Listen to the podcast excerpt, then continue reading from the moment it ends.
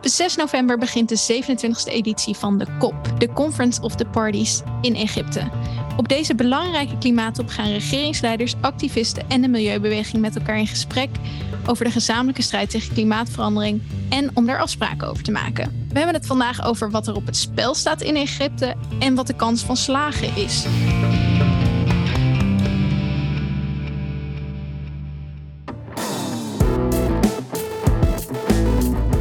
Bij Bellen met Bas, de podcast over Europese politiek waarin we bijpraten met GroenLinks-Europarlementariër Bas Eickhout. Mijn naam is Mijke Vedder.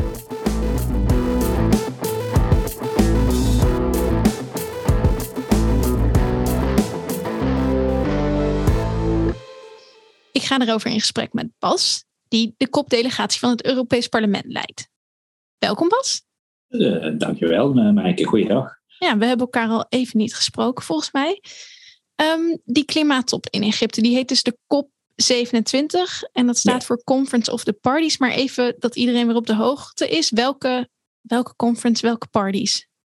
Ja, ja dit, dit, dit gaat helemaal terug naar 1992. Toen, toen was er een hele bekende uh, Earth Summit, zoals het toen is genoemd. Hè. De, de, eigenlijk de eerste grote mondiale milieuconferentie uh, ja, van de VN. En uit die uh, top zijn eigenlijk een aantal conventies gekomen. Dus dat zijn dan uh, ja, afspraken die de wereld heeft gemaakt op verschillende terreinen. En een van die terreinen was klimaat. En daar is dus ook begonnen UNFCCC. Uh, dat is dus het United Nations Framework Convention on Climate Change. Okay. Dus dat is eigenlijk gewoon de klimaatconventie in gewoon goed Nederlands. Um, en dat is toen in 1992 begonnen. En vervolgens is er dus elk jaar een conference of the parties tot die conventie. En dat is dus de COP. Dus dit is de COP 27, dus de 27e vergadering van die uh, conventie, die dus uh, eigenlijk de klimaatconventie verder uitwerkt. Dus nou, de, is, de parties ja. in het Nederlands zijn dat dus de mensen die meedoen aan die onderhandelingen? De parties zijn uh, in dit geval dus de landen die die conventie hebben geratificeerd. En dat zijn er, ja, volgens mij aan mijn hoofd, 195. Oké. Okay. Dus dat zijn er een hele hoop. Ja. En die komen nu dit jaar allemaal bij elkaar in Egypte? Ja, klopt. Dus dit is de 27e en er zit eigenlijk een roulatie in. Uh, en dat is natuurlijk, krijg je ook altijd van, ja, waarom moet het altijd met verre reizen? Nou, dat is niet altijd. Vorig jaar was Glasgow. Uh, maar het is natuurlijk, ja, het is de wereld komt bij elkaar. Dus het is altijd veel reizen voor iedereen. Ja, en ver ligt maar net aan waar je er vandaan, uh, precies, waar je vandaan komt precies. natuurlijk. En het is ook echt wel belangrijk, uh, meer gewoon puur voor, voor de, de, het belang van klimaatbeleid, is het ook wel belangrijk dat, dat je dat voorzitterschap roleert, zodat ook alle continenten eigenlijk ook wel ja, die verantwoordelijkheid krijgen om een succes te maken van zo'n hm. vergadering. Dus er zit ook nog wel een, een psychologisch effect achter waarom het van belang is dat je telkens een andere voorzitter hebt. En dat is zal dit jaar Egypte zijn. Ja, want als je het organiseert, dan heb je toch eigenlijk meer het belang erbij om het tot een succes te maken. En misschien jouw boodschap ook in de eindconclusies dus te krijgen. Precies, ieder land wil uiteindelijk een succesvolle uitkomst. Uh, succes wordt wel altijd heel erg verschillend gedefinieerd. We hebben best wel vaak ook Polen gehad die het organiseerden. En die had altijd juist het idee van wij gaan het een succes maken door zo min mogelijk op de agenda te zetten. Ja, dus, ja, dus een succes is erg relatief. Het is relatief, maar over het algemeen door de druk van buitenaf, uh, op het moment als je het organiseert, ja, wordt het toch moeilijk om, om geen vooruitgang te boeken.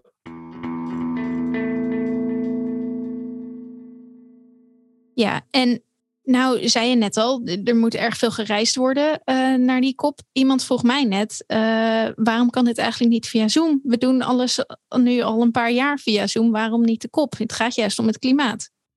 Ja, maar kijk, dat is, kijk er wordt natuurlijk meer vergaderd in zo'n jaar. Het is niet dat we, dat we één keer per jaar met elkaar over klimaat praten.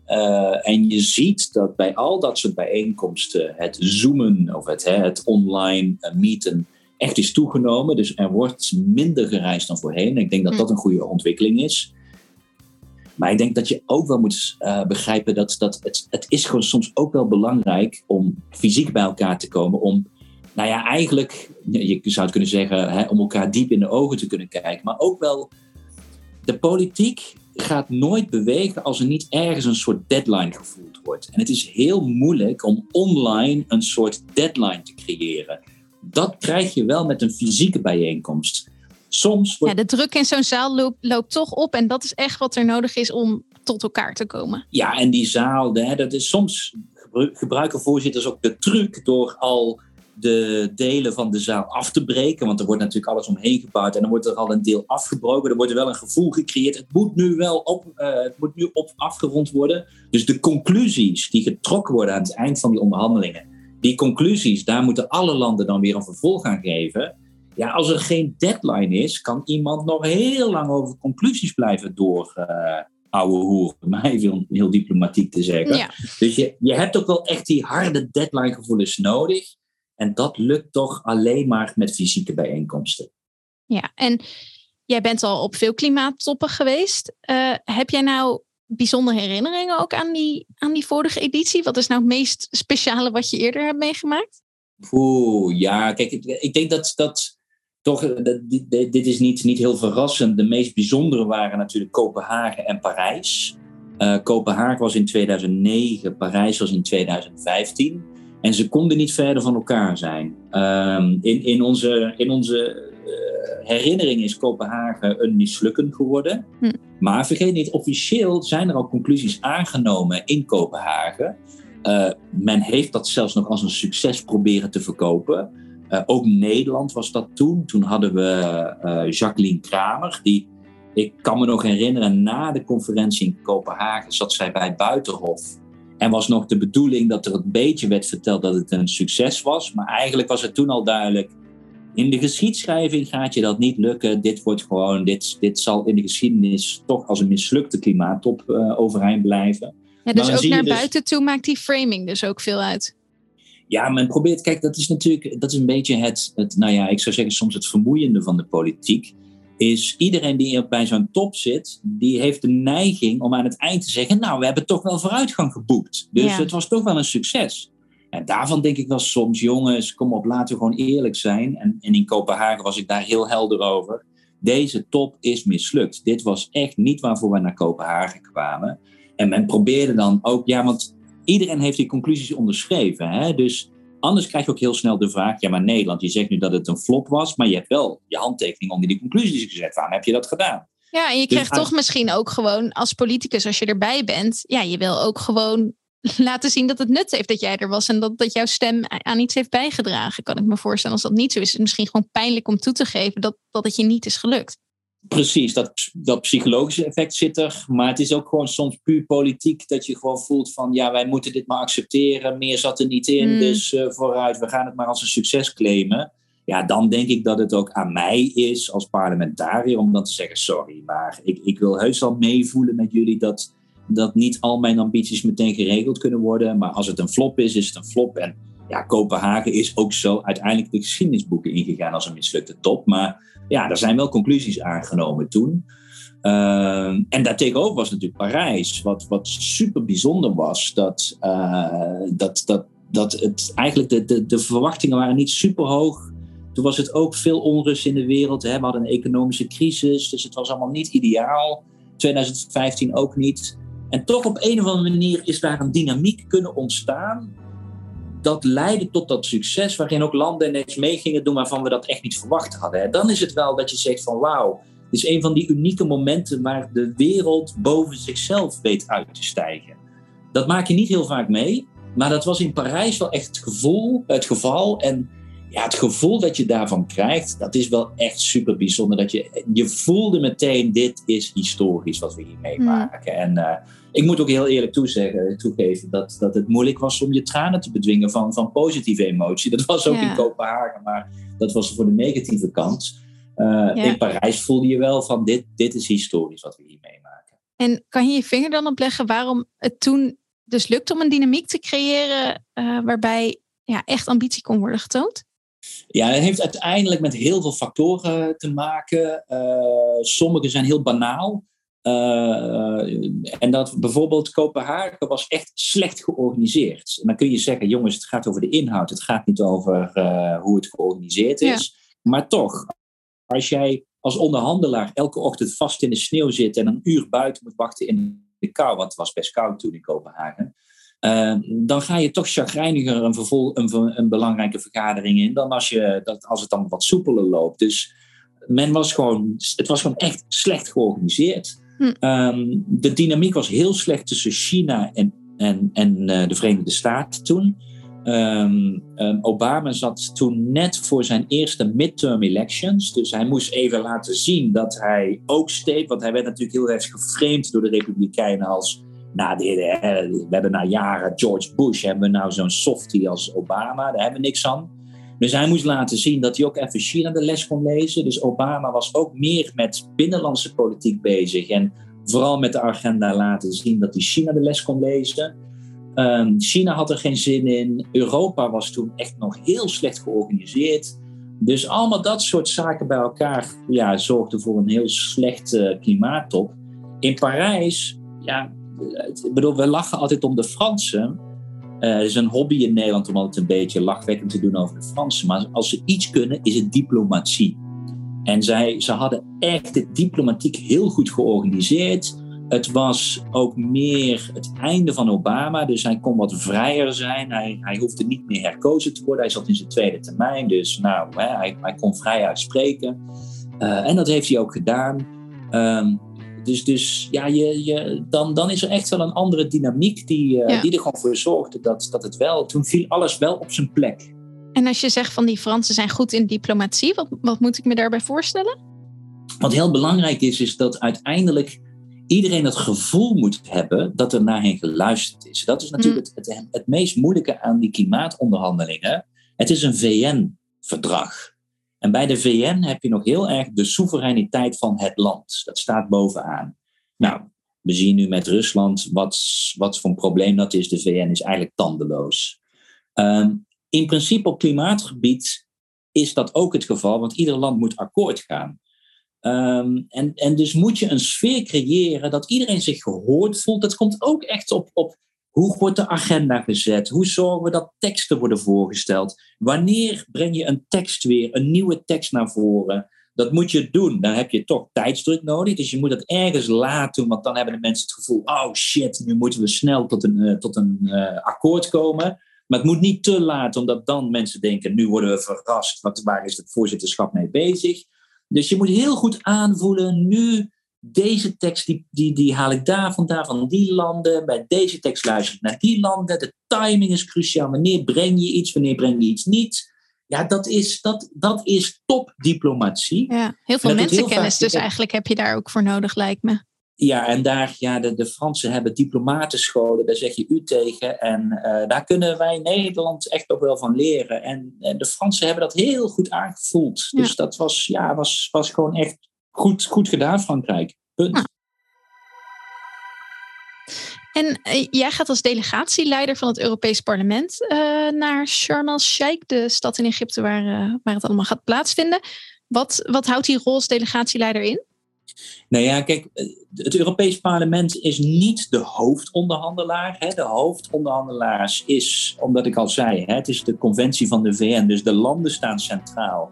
Wat interessant is, dat wij als Europa ondertussen wel hebben uh, besloten met elkaar. Dat was dus na Kopenhagen. Dat is een van de lessen van Kopenhagen. We moeten misschien toch iets meer als Europa met één stem spreken. Goh, wat een geniaal idee was dat. Um, en, en dus wat we nu heel erg hebben, is een gecoördineerde Europees optreden. En de hoofdonderhandelaars zijn dus de 27 lidstaten. Maar de Europese Commissie heeft een veel belangrijke rol gekregen om eigenlijk het, standpunt van Europa te coördineren. Nou, dat is in dit geval Frans Timmermans hè, als commissaris eh, verantwoordelijk voor klimaat. Die leidt eigenlijk de delegatie. En wij als Europees Parlement zijn natuurlijk het controleorgaan van die commissie.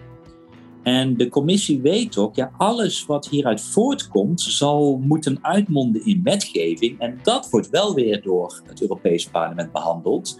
Dus wij worden door de Europese Commissie continu eigenlijk gewoon op de hoogte gehouden over de vooruitgang.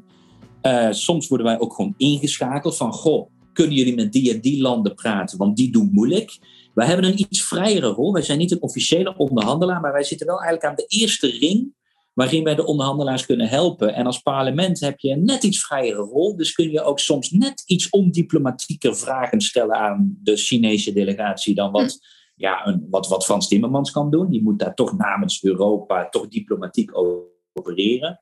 Dus soms kunnen wij als parlement juist wat helpen daarin. En ja, wat je ook zegt, de Europese Commissie wil natuurlijk liever al met een soort mandaat vanuit het parlement daar ook handelen en weten nou ja, op welke punten het parlement achter hun staat, zodat ze niet later problemen krijgt. Precies, want uiteindelijk, nou ja, soms wordt het zelfs een nieuwe, uh, nieuw verdrag dat eruit voortkomt. Dat moet geratificeerd worden. Dat hebben we met Kyoto gehad. Dan moet het parlement daarmee akkoord gaan. Dus, dus het helpt gewoon ook de commissie dat ze een beetje goed weten van nou, waar zit het parlement op te duwen. Uh, dus, dus we worden benut, we worden op de hoogte gehouden. Wij jagen natuurlijk ook uh, de EU aan. Want, want ja, de EU is toch een, een, een compromis van, sorry, van 27 landen die met elkaar tot een compromis komen. En dan is het soms ook wel heel nuttig dat het Europese parlement zegt: kom op, uh, lidstaten, dit kan beter. Hè?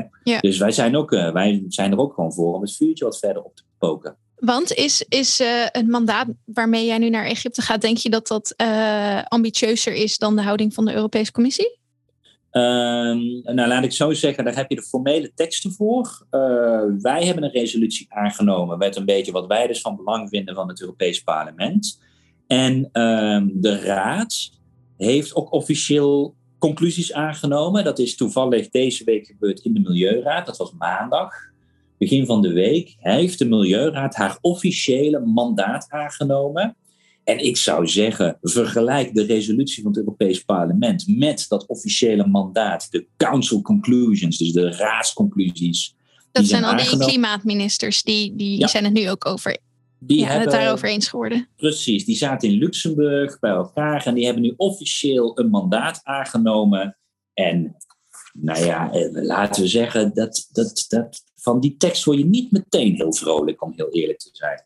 Nee, dus je, je hebt alsnog wel het idee dat waarmee jullie uh, naar, naar Egypte gaan, dat je, ja, dat je de commissie nog een beetje aan moet sporen om, uh, ja, om ook iets meer die kant op te gaan. Nou ja, kijk, ik denk dat de eerlijkheid gebiedt ons te zeggen dat de commissie, denk ik zelf, ook heus wel iets verder had willen gaan, maar dat uiteindelijk dit besloten is met de meerderheid van de lidstaten. Dus ja, daar zit de commissie een beetje aan vast. En wat het moeilijke is, Soms in die milieuraad uh, is het meervoudig, hè, dan wordt er gestemd met meerderheden.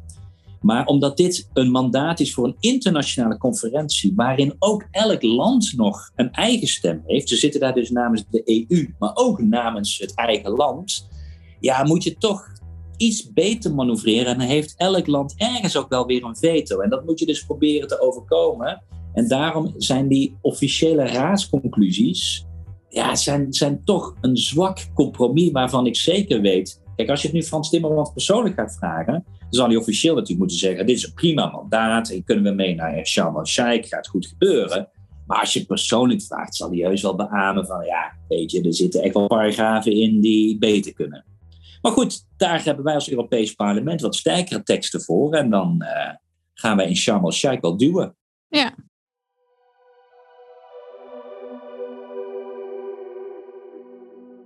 Nog even terugblikken naar de, de vorige editie. Die was eh, in Glasgow, zoals jij al zei. En ik heb even teruggekeken wat, uh, nou ja, wat we toen daarover geschreven hebben.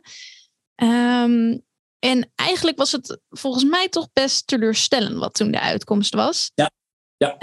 Um, de, de doelen, ja, er werd toen wel opgedragen om de doelen bij te stellen, maar die werden volgens mij niet meteen bijgesteld. Is dat in de tussentijd wel gebeurd? Of ja, op welk punt staan we op het gebied van die klimaatdoelen nee, nu? Ja, dit is dus een van die belangrijke discussies. Was dat eigenlijk hè, we hebben in dat hele Parijsverdrag zit een soort vijfjaarlijks mechanisme. Uh, en Glasgow was eigenlijk de, de start van de eerste vijfjaartermijn. Uh, dat was 2021, had 2020 moeten zijn, maar goed, 2020 was corona, dus dat is uitgesteld tot 2021. Dus dat was eigenlijk het begin, het eerste vijfjaartermijn van het Parijsakkoord. En, en was de bedoeling dat in Parijs, of dat in Glasgow eigenlijk wel het ambitieniveau verhoogd zou worden. Want we weten allemaal, als we nu gaan kijken wat er ligt qua plannen, zijn we eigenlijk in de richting van 3 graden aan het gaan. Terwijl we in Parijs hebben afgesproken, nee, we willen de opwarming beneden de 2, ruim beneden de 2 en bij voorkeur beneden anderhalve graad. Ja, en even voor de helderheid, die anderhalve graad heeft ook al ernstige gevolgen, maar drie graden zou gewoon echt catastrofaal zijn. Dat heeft totaal uh, heftigere gevolgen, ja. ja. hoe warmer, de wetenschap trekt geen grenzen. Hè? Dus de wetenschap zegt gewoon bij anderhalve graad uh, verwachten wij dit, bij twee dit, bij tweeënhalf dat. Het is aan de politiek, wat zijn jullie uh, bereid te accepteren? En bijvoorbeeld tussen anderhalf en twee graad, nou, lijkt bijvoorbeeld lijken wij al te accepteren dat, dat koraal gaat verdwijnen. Dus het koraalrif zal met uitsterven bedreigd worden, ook als we het over dit soort opwarmingen hebben. Uh, dat accepteren wij dus blijkbaar politiek al. Uh, dus dus dat, dat, dat, er is echt. Maar ja, eigenlijk bizar, want er wordt vaak over die anderhalve graad, dat wordt een beetje als de heilige graal gezien, maar dat is natuurlijk ook helemaal niet. Uh, dat alles dan bij het oude blijft. Ja. ja, we zullen klimaatverandering hebben, ook bij anderhalve graad. Uh, nou, het is maar echt de vraag of we nog beneden de anderhalve graad kunnen blijven. Uh, daarvan zeggen de wetenschappers nu, is eigenlijk 50-50. Uh, willen we nog beneden de anderhalve graad, dan moeten we echt nu hard naar beneden. En anders wordt het een hele klus om beneden de 2 graden te blijven. Dus, dus we, we, we, hebben echt al wat effecten die wij dus aan het accepteren zijn. We als wereld, door onze trage manier van opereren. En in Glasgow was dus de bedoeling van dan komt de druk erop dat er meer ambitie op tafel komt.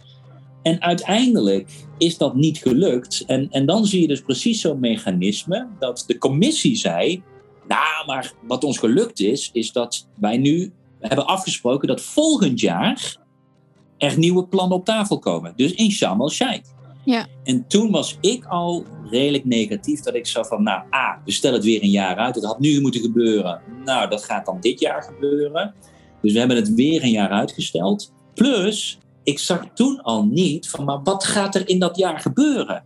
Ik zag het niet en ja, ik vrees Nee, wat gaat er veranderen dat er opeens nu wel inderdaad meer ambitie is dan een jaar geleden? Behalve dus dat die deadline is gesteld. Maar ik weet, was dat echt een harde deadline of meer een voornemen? Uh, nee, ja, dat is altijd de VN, dus je kan een land niet dwingen. Nee. Uh, maar er is wel een uiterste oproep gedaan naar de lidstaten, naar de de parties om, om nog een keer naar hun klimaatplan tegen het licht te houden en met nieuwe plannen te komen. Dat hebben een aantal landen ook gedaan. Maar laten we eerlijk wezen, dat zijn niet de, grote uitstoters. Eigenlijk moeten wij concluderen dat nu dat ene jaar, wat dus zo belangrijk was, we hebben een jaar gewonnen. Uh, het enige land met een substantiële uitstoot die haar plannen ambitieus heeft gemaakt, is Australië, omdat ze een nieuwe regering hebben ondertussen. Ja, en dat was ook wel echt heel hard nodig volgens mij in Australië. Australië. Ik heb uh, in Glasgow best wel wat Australische media uh, te uh, gesproken, omdat ik redelijk uitgesproken negatief was over Australië. Dus dat, dat, dat is wel interessant, dat wordt wel opgepikt. Vindt niemand leuk. De Australische ambassade wilde ook met me praten. Oh, dus jij zegt eigenlijk nu de reden dat zij hun, hun, doelen hebben opgehoogd, is dat ik ze daar even vertel. Nee, oh, nee, nee, nee. Het belangrijkste was gewoon verkiezingen. Uh, maar goed, klimaat was wel een thema tijdens de Australische verkiezingen. Uh, wat ook wel logisch is, omdat je als je gaat kijken naar de zomers in Australië, uh, maar ook nu ook weer, ze hebben ook weer overstroming. Hè? Ook in Australië, de, de klimaatextremen worden steeds extremer. Um, dus klimaat begint wel een thema te worden in Australië. En in de verkiezingen is het Labour aan de macht gekomen. En die heeft nu een verhoogd klimaatambitie op tafel gelegd. Ja. Maar dat is eigenlijk de enige grote speler. En daar zitten wij nou. En dan even gewoon naar de inhoud. Als je dan gaat kijken, dan zegt dus het parlement, zegt Europa, jij moet ook gewoon in Sharm el-Sheikh een hogere klimaatambitie uh, neerleggen. Want, want als wij dat niet doen als Europa, wat gaan we dan zeggen? Nee, nee, dat was vooral voor alle andere landen in de wereld. Ja, ja want in, in Europa hebben we dat er 55% minder uitstoot moet zijn in 2030. En ja. vervolgens hebben alle landen zelf nog weer nationale doelstellingen over nou ja, wat dat betekent voor hunzelf? Nou, deels, deels. De ene helft van de uitstoot ongeveer wordt gecoverd door Europese wetgeving. Dat zit met name met de emissiehandel. De andere helft doe je met nationale doelstellingen. En dan hebben sommige landen een eigen klimaatwet nog daarbovenop. En die gaan vaak dan verder dan wat Europa.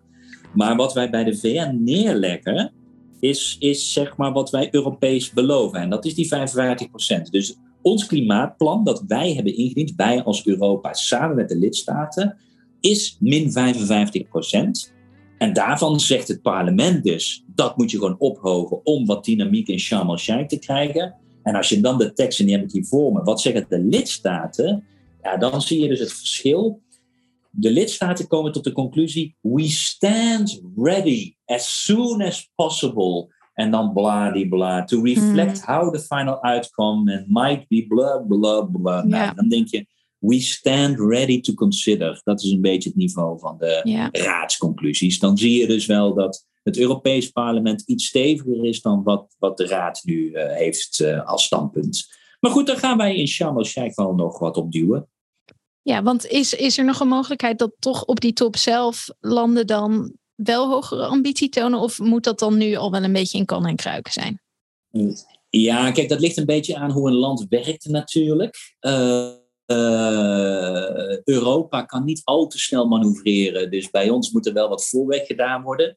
Nou, wij hebben nu, eh, er, er ligt wat wetgeving van dat befaamde Fit for 55. Hè, dat is dus dat klimaatpakket eh, dat naar die 55% brengt. En we hebben wat wetgeving die extra ambitie zou kunnen opleveren. En we proberen nu een paar van die wetgeving voor Sharm af te ronden. Zodat we dan in Sharm kunnen zeggen, dan doen wij dus meer dan die, dan die 55%. Maar dat moet Europa dan ook wel echt op tafel leggen.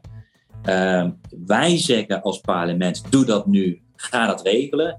De raad zegt meer, nou we gaan de onderhandelingen afwachten. En als dan blijkt dat we meer doen, dan zouden we misschien in Sharm el-Sheikh misschien ook meer kunnen beloven. Ja, ja dus die dat... kijken heel erg naar de rest eigenlijk. Om, uh, ja, maar dat wordt nou vooral met het voortraject. Lukt het ons om die wetgeving rond te breien? En als ons dat lukt, dan denk ik dat Europa echt wel met iets meer ambitie. Het zal niet superveel zijn, maar het gaat ook om soms het symbool dat Europa bereid is toch weer een extra stapje te zetten. Um, maar je zal, je zal druk nu ook op andere landen moeten uitoefenen. Maar bijvoorbeeld, wat interessant wordt, is niet onbelangrijk. We hebben aanstaande zondag presidentsverkiezingen in Brazilië. Ja. Dat is best wel een belangrijk land mondiaal. En het maakt wel uit of dat Bolsonaro of Lula wordt. Uh, dat, gaat, dat gaat in Sharm el-Sheikh een invloed hebben. En als het Lula wordt, zou het zomaar kunnen zijn dat Brazilië toch ook met iets anders komt nog vlak voor Sharm el-Sheikh. Dat geeft weer druk op China en India als Brazilië zo'n stap zet. En als Europa dan ook een stap zet, dan kun je nog wat dynamiek krijgen. Dat, dat, het zal niet grootse dynamiek zijn. Ik denk dat iedereen een beetje de verwachting aan temperen is. Maar er is wel wat meer nodig dan wat er nu gebeurt. En, en daarom heb je ook een fysieke top nodig. Nee, want dan krijg je die landen bij elkaar. Dan krijg je ook die druk van, hé, hey, er moet wat gebeuren. Dus, dus, en de crux zit er natuurlijk wel heel erg druk op China en India.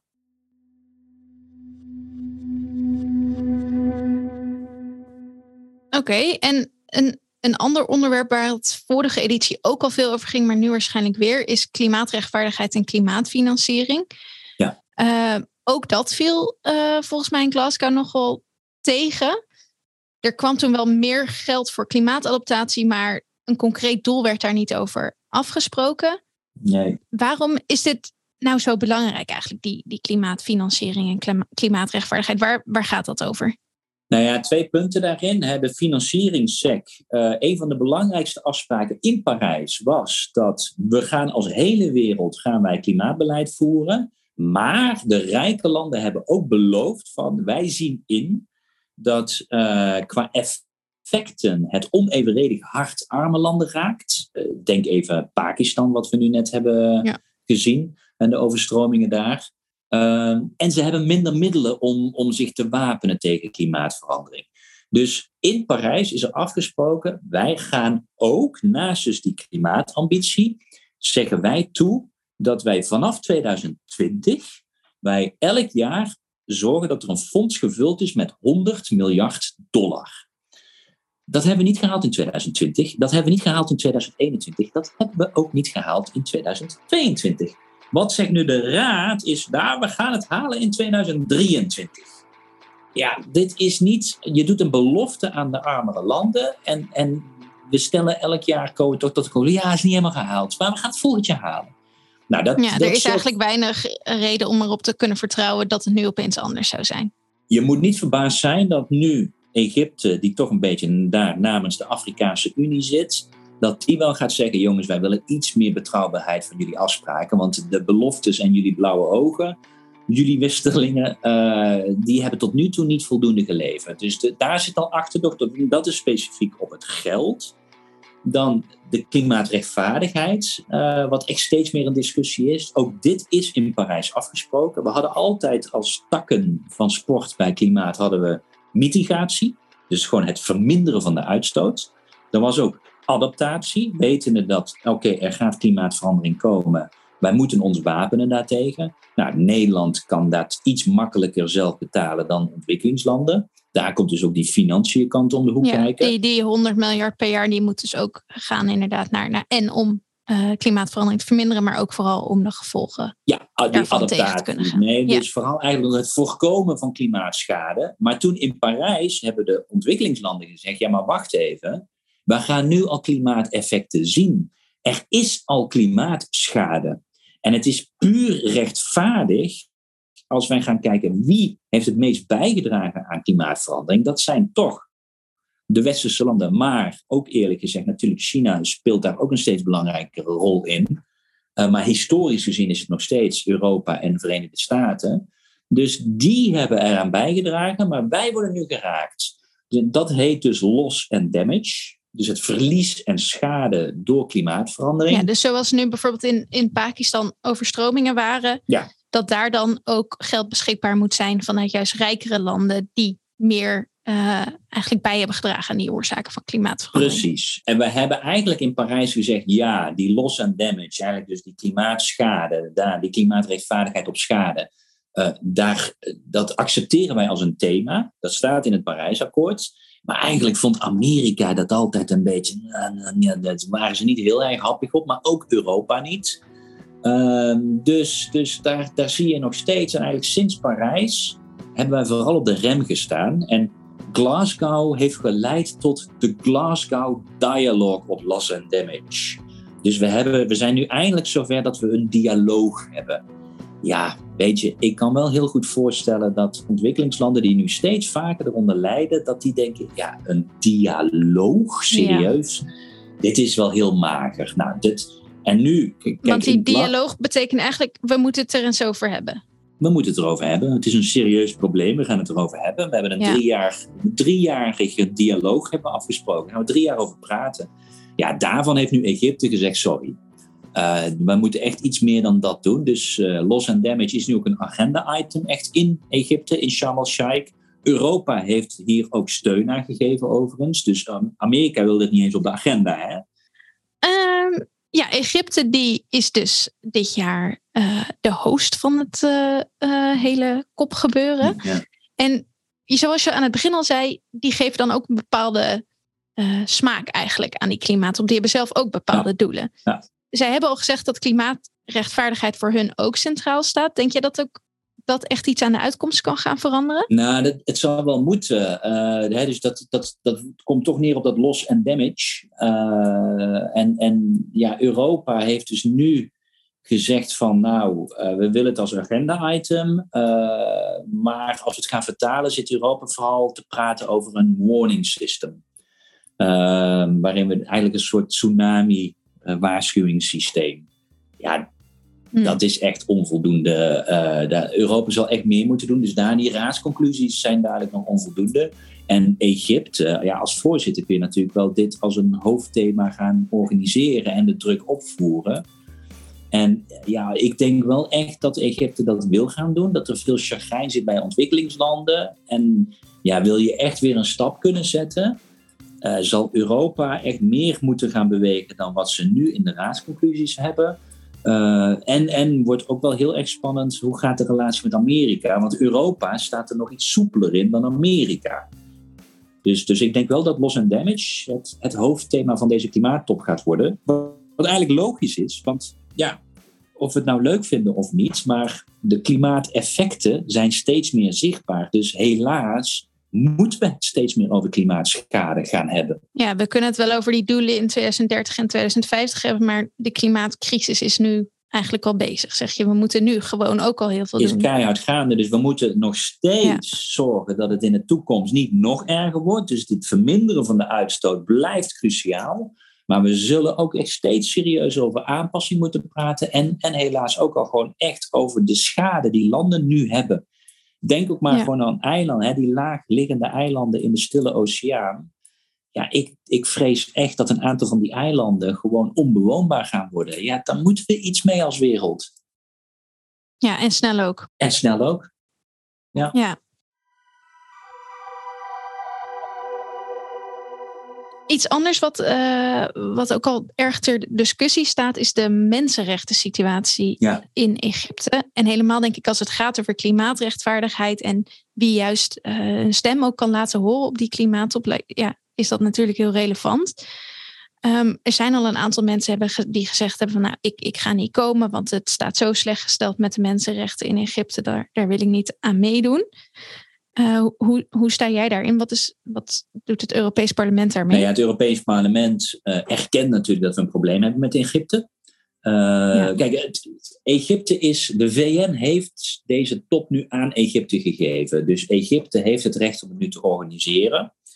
Maar wij gaan wel de druk opvoeren natuurlijk naar, naar het Egyptisch voorzitterschap. A, je hebt een civil society. Je hebt gewoon altijd bij een klimaattop is er ook het moment voor de hele maatschappelijke wereld om ook wel de druk op te voeren rondom klimaat.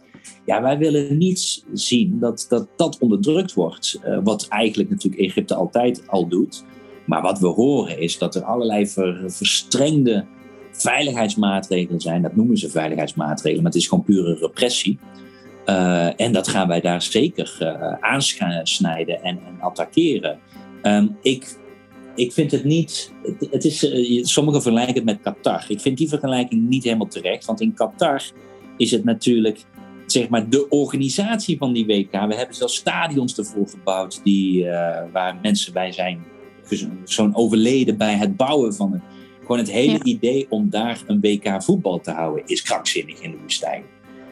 Hier, ja, in principe, elk land kan natuurlijk een conferentie organiseren. Maar wat wij wel verwachten, is dat elk land wel de VN-principes hoog houdt. En dat betekent ruimte voor het maatschappelijk middenveld om te kunnen protesteren, om zich uit te spreken. We willen geen onderdrukking, we willen dat de mensenrechten gerespecteerd worden. En daar ja, kun je wel ook juist het, Egyptisch voorzitterschap eh, heel erg op aanspreken. Dus wij gaan er in principe gewoon heen, omdat die onderhandelingen gewoon zullen plaatsvinden. Maar wij zullen niet zwijgen over de mensenrechtenkant. Wij zullen als parlement, dat hebben we ook in onze resolutie aangenomen, wij, wij spreken ons uit en wij zijn ook gemachtigd zeg maar, om ons uit te spreken naar Egypte toe. En ik heb ook vooraf gesprekken met Amnesty en dergelijke natuurlijk, om wel ja, hun input mee te nemen, zodat ik ook als voorzitter van de EP-delegatie daar wel serieus mee om kan gaan. En ook hier weer een verschil. Het hm. Europees Parlement heeft het hier wel over in haar resolutie. Ja, de lidstaten noemen dat niet zo heel veel. Dat ligt dan toch een beetje gevoelig ja, misschien. Dat is toch weer die diplomatieke kant ja. waarin je dus kan, als parlement daar gewoon makkelijker over kan praten. Ja, en dan nog een laatste vraag over die, die diplomatie daar op de top. Um, we hebben het in de vorige aflevering heel veel gehad over de oorlog in Oekraïne. Ja. Ik kan me voorstellen dat dat hier natuurlijk ook gewoon onderwerp van gesprek is. En ik las al dat veel diplomaten hebben laten weten dat zij die Russische delegatie uh, ja, dat ze daar niet mee in gesprek willen. Nee. Um, kan, kan je dat zomaar doen of moet je dat echt hier los van zien? Nou ja, kijk, kijk Rusland is ook party. Dus Rusland zal er zijn uh, en Rusland zal in uh, Sharm el-Sheikh ook vertegenwoordigd zijn. Maar wat we in ieder geval hebben afgesproken als Europa, zowel het Europees Parlement als ook de lidstaten, wij gaan niet in bilaterale uh, bijeenkomsten met Rusland. Dat gaan we niet doen. We gaan gewoon niet met Rusland uh, officieel praten. Dus ja, in de okay. plenaire zaal zal Rusland haar input kunnen geven. Daar wordt naar geluisterd, want dat gaat over de klimaat. Ja, ze zitten aan tafel. Ze zitten aan tafel. Maar je, je begrijpt natuurlijk ook wel, de plenaire is uiteindelijk één grote voorbereiding van allerlei bilaterale overleggen. Er zal geen bilateraal overleg tussen Europa, in welke hoedanigheid dan ook, uh, met Rusland zijn. En dat hebben we, wij hebben voorgaande jaren wel met de Russische delegatie aparte afspraken gehad.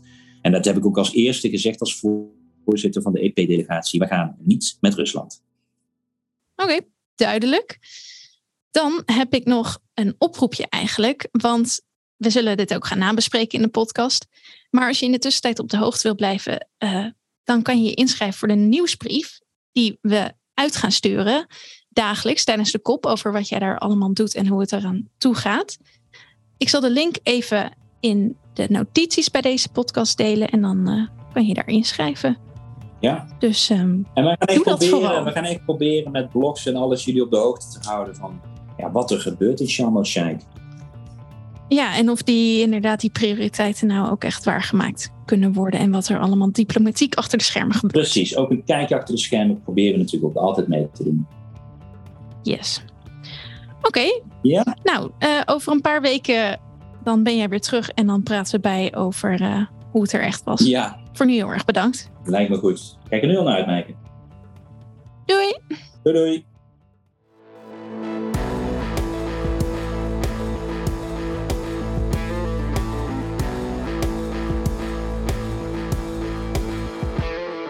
Dit was Bellen met Bas, een podcast van GroenLinks Europa en de Groenen in het Europees Parlement. We horen graag van je. Laat je reactie achter op vriendvandeshow.nl slash bellen met Bas en meld je aan voor onze Europa-update op europa.groenlinks.nl. De audiovormgeving is door Studio Cloak. Tot een volgende keer!